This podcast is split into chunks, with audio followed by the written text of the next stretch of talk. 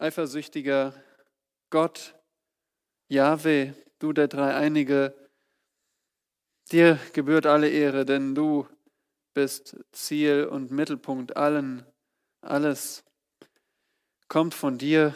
Du bist der, auf den wir jetzt schauen wollen, uns wegwenden wollen von allem, was uns ablenkt, was uns beschäftigt. Allmächtiger Gott, bitte rede du durch dein Wort und wache du über meinen Mund, dass ich nur das rede, was wahr ist, was rein ist, was vollkommen ist, was ich von deinem Wort her erkannt habe. Und so bitte lehre du uns, damit wir dich verkündigen, so wie du wirklich bist. Amen. Bevor wir also einsteigen mit unserem Thema Gott, der Mittelpunkt des Evangeliums, gebe ich noch zwei Vorbemerkungen. Zwei Vorbemerkungen zu dieser Serie über das Evangelium. Und zwar die erste Vorbemerkung ist, die ganze Bibel kann für die Evangelisation verwendet werden. Unsere Serie soll nicht vermitteln, dass das Evangelium immer in vier knappen Punkten zusammengefasst werden müsste. Der Apostel Paulus in Apostelgeschichte 20, Apostelgeschichte 20, als er die Ältesten zu sich ruft, die Ältesten aus Ephesus. Und dort lesen wir in Apostelgeschichte 20, Vers 24 dass der Apostel Paulus sich erinnert, wie er von dem Herrn Jesus diesen Dienst empfangen hat, den Dienst der Verkündigung, nämlich das Evangelium der Gnade Gottes zu bezeugen. Also Paulus hat das Evangelium verkündigt. In Vers 25 drückt er das nochmal anders aus und sagt, dass er umhergezogen ist und das Reich Gottes verkündigt hat. Also das Evangelium ist auch gleichzeitig die Botschaft vom Reich Gottes. Nun, die Botschaft vom Reich Gottes beginnt in 1. Mose 1, als Adam und Eva eingesetzt wurden als Repräsentanten Gottes, damit sie herrschen. Und so zieht sich das Thema des Reiches durch die ganze Schrift. Aber dann ist es eindeutig in in dem Vers 27, wo Paulus sagt, denn ich habe nichts verschwiegen, sondern habe euch den ganzen Ratschluss Gottes verkündigt. Und so trug auch der Herr Jesus uns auf, in Matthäus 28, dass wir äh, zu allen Völkern gehen und sie zu Jüngern machen und sie lehren alles, was der Herr Jesus befohlen hat. Lasst uns deswegen keine Minimalisten sein bei der Evangelisation, möglichst wenig sagen. Nein, wir wollen, wenn wir die Gelegenheit haben, möglichst viel sagen und möglichst viel lehren. Wir wollen die gesamte Schrift verkünden, denn die gesamte Schrift ist das Evangelium.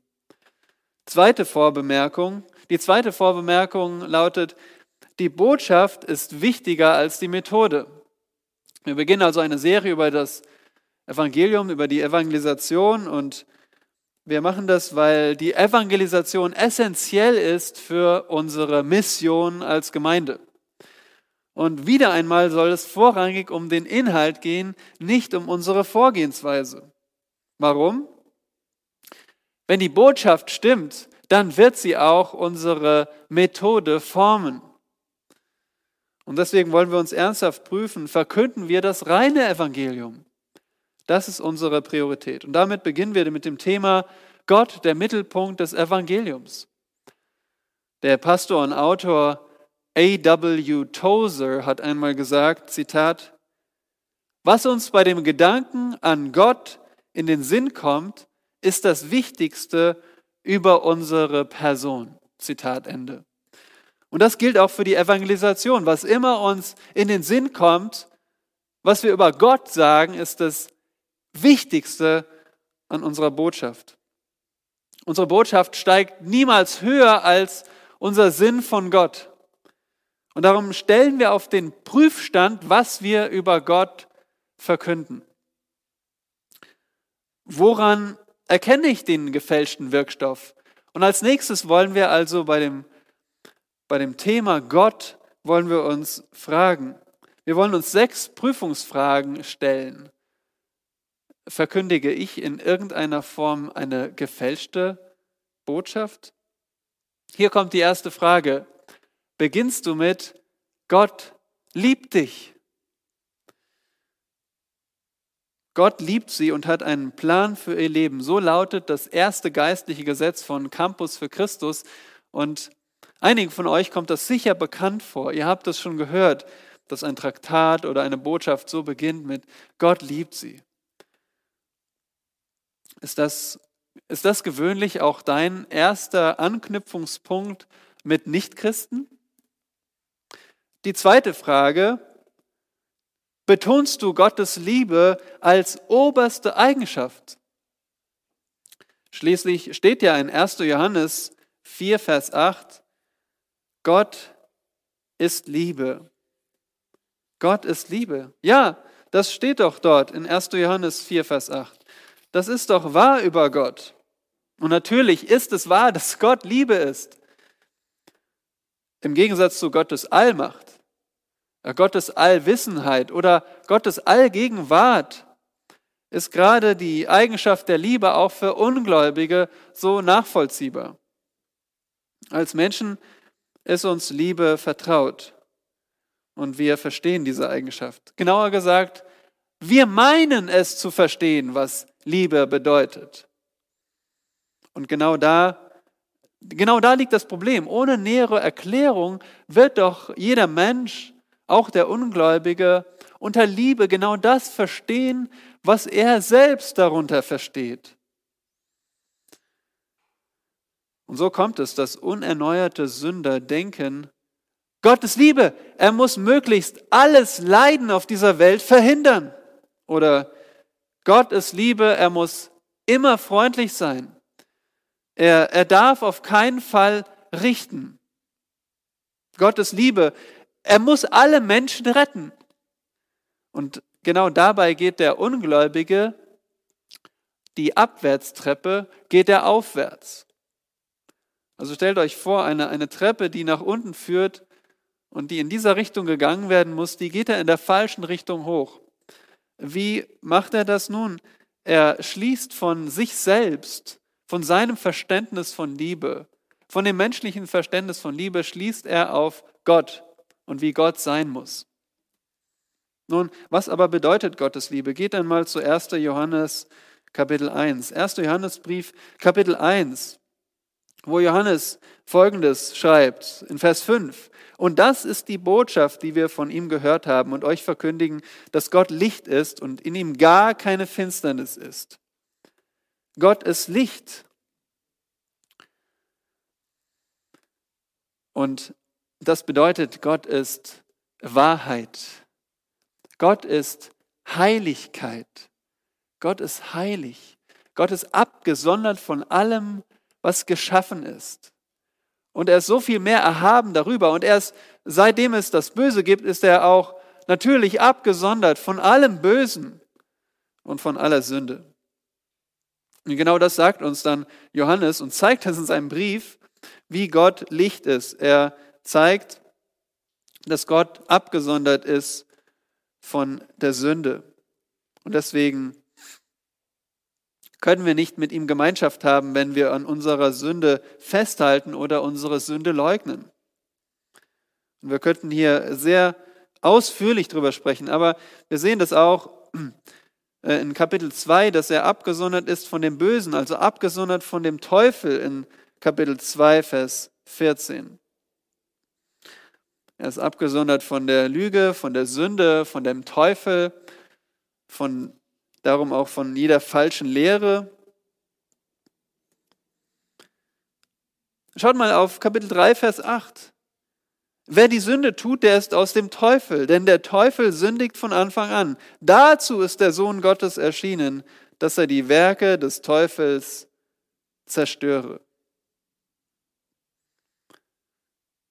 Gott ist diametral dem Teufel entgegengesetzt und sein Feind. Und der Teufel ist Gottes Feind. Und Gott ist abgesondert von dem Teufel, von dem Bösen. Und dann schreibt Johannes schließlich in Kapitel 4, Vers 8, Wer nicht liebt, der hat Gott nicht erkannt, denn Gott ist Liebe. Und jetzt verstehen wir, Gottes Liebe ist eine heilige Liebe. Gottes Liebe ist eine heilige Liebe. Das heißt, Gottes Liebe entspringt nicht der menschlichen Erfindung, sondern Gottes Liebe ist, kommt von oben. Sie kommt von oben herab. Und wo findet Gottes Liebe ihren Ursprung? In der Dreieinheit. In der Dreieinheit, also von Ewigkeit her, als es noch nichts Geschaffenes gab, da wurde schon die Liebe definiert in der Liebe des Vaters zum Sohn und des Sohns zum Vater und zum Heiligen Geist. Und da finden wir die ursprüngliche Liebe. Und darum, wenn wir sagen, Gott ist Liebe, dann müssen wir zuerst verstehen, wer Gott ist und wie er liebt. Nun, verkündigen wir das auch in unseren Traktaten, in unseren Zeugnissen, in unseren Botschaften? Verkündigen wir, was Gottes Liebe eigentlich bedeutet? Walter Chantry schreibt in seinem Buch Evangelium heute, Zitat, Tausende von Sündern denken, Gott habe nur eine Eigenschaft, Liebe. Obwohl dies natürlich Teil der Wahrheit ist, wird diese Aussage zur Lüge, wenn man sie für die ganze Wahrheit hält. Zitat Ende. Also nicht, dass wir sagen, Gott ist Liebe, das ist nicht das Problem, sondern dass wir es überbetonen und so, so tun, als ob es Gottes einzige Eigenschaft ist. Das war jetzt eine ein bisschen ausführlichere Antwort auf diese erste Prüfungsfrage. Wir kommen zur dritten Prüfungsfrage, ob wir einen gefälschten Wirkstoff verkündigen. Drittens, verniedlichst du Gottes Autorität? Autorität ist das Recht, zu befehlen und Gehorsam zu erwarten. Wie viel hat Gott uns Menschen zu sagen? Vielleicht sagst du, eigentlich hat Gott uns ziemlich viel zu sagen, aber muss man das wirklich in einem Gespräch, in einem evangelistischen Gespräch so betonen? Verschließen wir damit nicht die Tür für andere Gespräche, wenn wir von Gottes Autorität sprechen? Ihr Lieben, wie schnell schwächen wir Gottes Autorität ab, wenn wir sagen, Gott möchte, dass du ihm gehorchst. Gott wünscht sich, dass du, dein, sein, dass du seinen Geboten folgst. Und wir schwächen es ab, dass Gott absolute Autorität hat über unser Leben. Die vierte Frage, vergrößerst du den menschlichen Willen? Also Drittens verniedlichst du Gottes Autorität und dem gegenüber steht die Frage, ver, vergrößerst du den menschlichen Willen? Ja, manche als Evangelium formulierte Botschaften, die erwecken den Eindruck, Gott sei machtlos gegenüber dem menschlichen Willen. Gott habe nun alles getan, um Menschen Vergebung und Versöhnung zu ermöglichen, aber jetzt liege es an dem Menschen, sich zu entscheiden und das Angebot willentlich anzunehmen während Gott nur darauf warten könnte. Fünfte Frage, entzweist du die Dreieinheit? Und das ist ja ungeheuerlich. Äh, wie, wer sollte denn sowas versuchen? Gemeint ist hier, wie präsentierst du die Ziele des Vaters, des Sohnes und des Heiligen Geistes in der Errettung des Menschen? Plante der Vater nur einige Menschen zu retten? Aber der Sohn soll für alle Menschen die Strafe tragen? Verfolgen sie dann gegensätzliche Absichten? Oder plante der Vater, alle Menschen zu retten? Aber der Heilige Geist öffnet nicht jedem Menschen die Augen, damit sie umkehren. Denn das ist das ja, was wir sehen, dass nicht jeder einzelne Mensch umkehrt und an Jesus Christus glaubt. Heißt das, die Dreieinheit hat versagt oder sie, sie ist entzweit. Sechste Frage. Stellst du Gott vorrangig als Freund vor, der dir helfen möchte? Anders gesagt, Gott ist zuerst dafür da, um deine Bedürfnisse zu stillen. Und diesen Eindruck könnte man bekommen, wenn man den evangelistischen Botschaften zuhört, wo sehr schnell auf den Menschen fokussiert wird. Aber dieses Art Gottesbild lässt dem Ungläubigen seinen Respekt vor sich selbst. Denn er kann ja prinzipiell so bleiben, wie er ist. Und Gott will ja lediglich verbessern und ergänzen. Der Zuhörer soll sich fragen, was fehlt mir? Liebe Freunde, solch ein angebliches Evangelium ist eine im Kern ich-zentrierte Botschaft. Und eine menschzentrierte Botschaft ist kein Evangelium. Denn das Evangelium hat Gott im Mittelpunkt. Warum? Nun, das Evangelium kommt von wem? Von Gott. Und Gott ist in seiner Person nach, in seinem Wesen nach, Gott zentriert. Hört mal auf Jesaja 48, Vers 11, wo Gott, also Jahwe, spricht. Und ich will meine Ehre keinem anderen geben. Gott hat also ein vorrangiges Ziel, und zwar sich selbst groß zu machen. Er rettet uns, Zitat, damit wir zum Lob seiner Herrlichkeit dienten. Epheser 1, Vers 12. Und in Epheser 1 sehen wir, wie Gott rettet. Gott, der Vater, Sohn und Heiliger Geist. Und immer wieder heißt es, dass er das tut zum Lob seiner eigenen Ehre, seiner Herrlichkeit. Und das ist übrigens auch der stärkste Treibstoff für unsere Evangelisation. Das ist es, was uns wirklich antreiben kann. Und ein Treibstoff, der nicht versiegt, nämlich Anbetung. Anbetung. So wie der Herr Jesus sagt in Matthäus 6, Vers 9 in dem Vater unser, Vater unser im Himmel, geheiligt werde dein Name. Wenn das unser Ziel ist, dann sind wir bereit, das Evangelium zu verkünden. Dann können wir sagen, möge Gott angebetet werden. Entweder durch meine Verkündigung, auch wenn die Menschen nicht hören. Ich kann Gott anbeten, wenn ich ihn richtig repräsentiere, wenn ich ihn wahrheitsgemäß verkündige. Aber noch schöner, er kann angebetet werden, wenn die Menschen darauf hören, wenn sie umkehren, wenn sie glauben. Dann haben wir noch mehr Anbeter und das ist der wahre Treibstoff zur Evangelisation. Und von daher frage dich, was stellt sich dein Zuhörer eigentlich unter Gott vor, wenn du sagst, Gott? Weißt du, was sein Bild von Gott ist? Hast du mit ihm darüber gesprochen? Oder hoffst du, dass er das richtige Gottesbild hat? So, nun ganz praktisch. Wie verkündigen wir Gott zentriert? Was sollen wir eigentlich über unseren Gott weitersagen? Und lernen wir gemeinsam an dieser Stelle aus der Bibel von Apostel Paulus. Schlag bitte Apostelgeschichte Kapitel 17 auf. Apostelgeschichte 17. Paulus ist auf seiner zweiten Missionsreise und er hat Widerstand erfahren in Mazedonien, Widerstand in der Stadt Thessalonich und in Beröa und er zieht voran nach Athen und kommt nach Athen und ist dort zunächst alleine ohne seine Reisebegleiter und er sieht diese Stadt voller Götzen. Er hat einen heiligen Zorn in sich auf diese Götzen auf diesen Götzendienst. Und dann wird er bekannt als jemand, der das Evangelium verkündigt und er wird äh, zum Areopag gerufen. Das ist ein Rat, der sich traf, der zu dieser Zeit vor allem religiöse und Angelegenheiten der, der Bildung beriet. Und hier steht, dass die Athener gerne die Zeit damit verbrachten, etwas Neues zu sagen und zu hören. Und so stellten sie Paulus vor diesen Rat. Und Paulus steht in der Mitte dieses Rates, der Heiden, dieser griechischen Männer.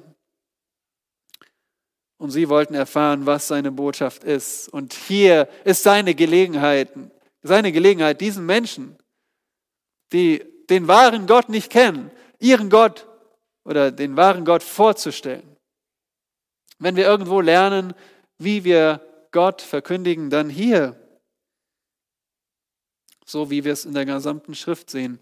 Lasst uns von Paulus lernen, wie er sagt, ihr Männer von Athen, ich sehe, dass ihr in allem sehr auf die Verehrung von Gottheiten bedacht seid. Denn als ich umherging und eure Heiligtümer besichtigte, fand ich auch einen Altar, auf dem geschrieben stand, dem unbekannten Gott. Nun verkündige ich euch den, welchen ihr verehrt, ohne ihn zu kennen. Und hier lernen wir jetzt, wie Paulus Gott verkündigt und betrachtet mit mir jetzt diese acht Lehren über den wahren Gott. Acht Lehren über den wahren Gott. Vers 24. Der Gott, der die Welt gemacht hat und alles, was darin ist. Wir lernen hier ganz einfach. Erstens, Gott ist Schöpfer. Gott ist Schöpfer. Er ist allmächtig, offensichtlich. Er hat alles gemacht. Alles, was existiert, die Welt. Er ist auch unglaublich weise. Unglaublich weise, dass er sich die Welt, das Universum ausgedacht hat, durch sein Wort geschaffen hat. Dass er der Grund ist, warum wir diesen Körper haben, der sich selbst regeneriert. Hände, die tasten können, die arbeiten können, die etwas schaffen können. Unser, und wenn wir vielleicht unsere Hände nicht mehr gut funktionieren, wir können immer noch denken, wir können an unser Gehirn denken, das aus, aus unzähligen Gehirnzellen besteht und imstande ist, sich zu erinnern, Informationen zu speichern, den Körper zu lenken.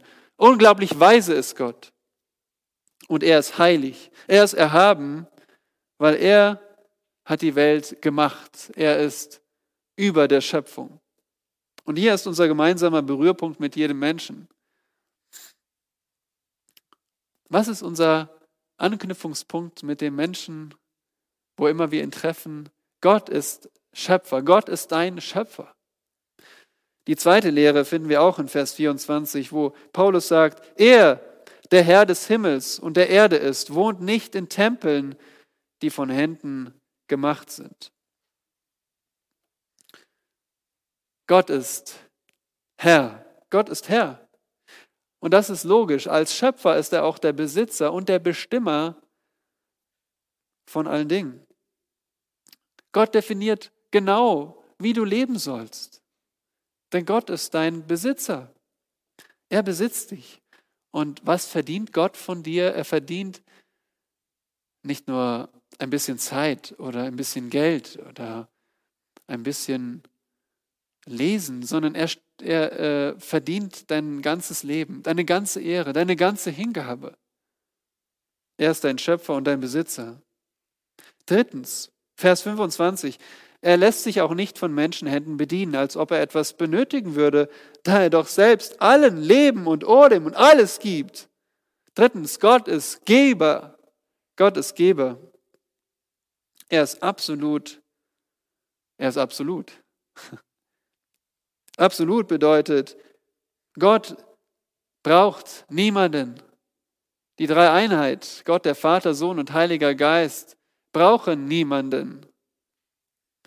Er wird nicht bedient. Er ist nur am Geben. Und selbst das, was er empfängt von uns, ist, was er uns zuvor erst gegeben hat.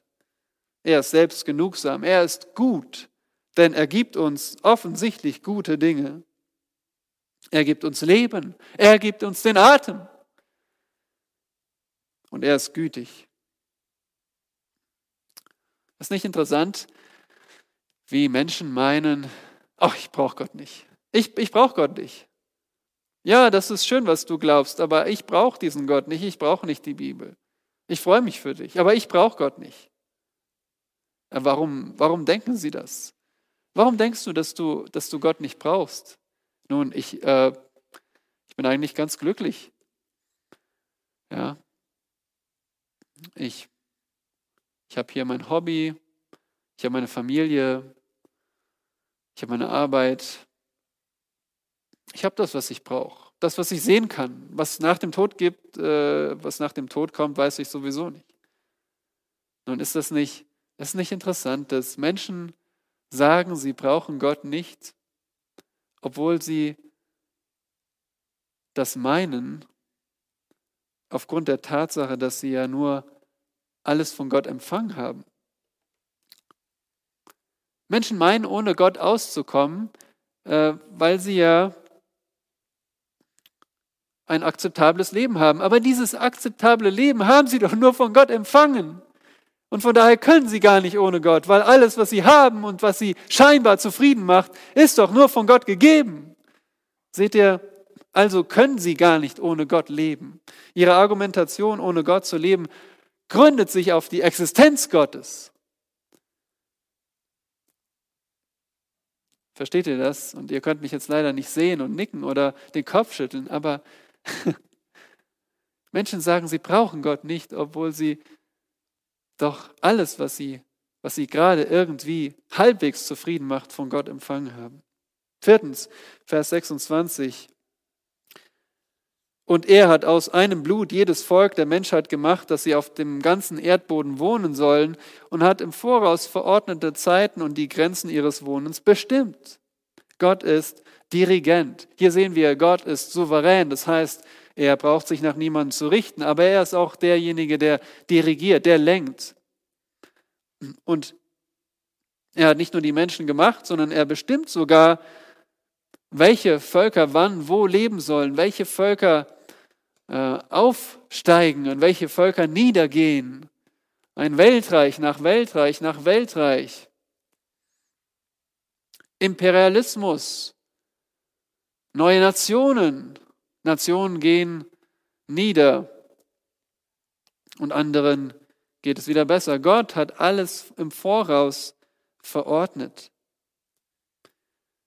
Fünftens, Vers 27 bis 28, damit sie den Herrn suchen sollten, ob sie ihn wohl umhertastend wahrnehmen und finden möchten, und doch ist er, er ja jedem Einzelnen von uns nicht ferne, denn in ihm leben, weben und sind wir, wie auch einige von euren Dichtern gesagt haben, denn auch wir sind von seinem Geschlecht. Also Gott ist nicht nur der Dirigent über allem, sondern er ist derjenige, der mit dem Menschen in Beziehung treten will, nach wie vor, obwohl wir gefallen sind. Gott ist Offenbarer. Gott will, dass die Menschen ihn suchen und das setzt voraus, dass sie ihn finden können. Gott hat sich geoffenbart in der Schöpfung.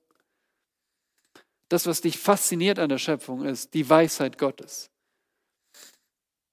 Gott hat sich geoffenbart in der Geschichte. Und Gott hat sich geoffenbart in der Schrift.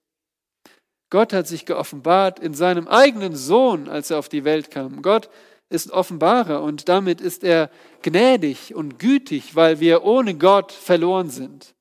Gott ist der Einzige, der unsere Hoffnung sein kann.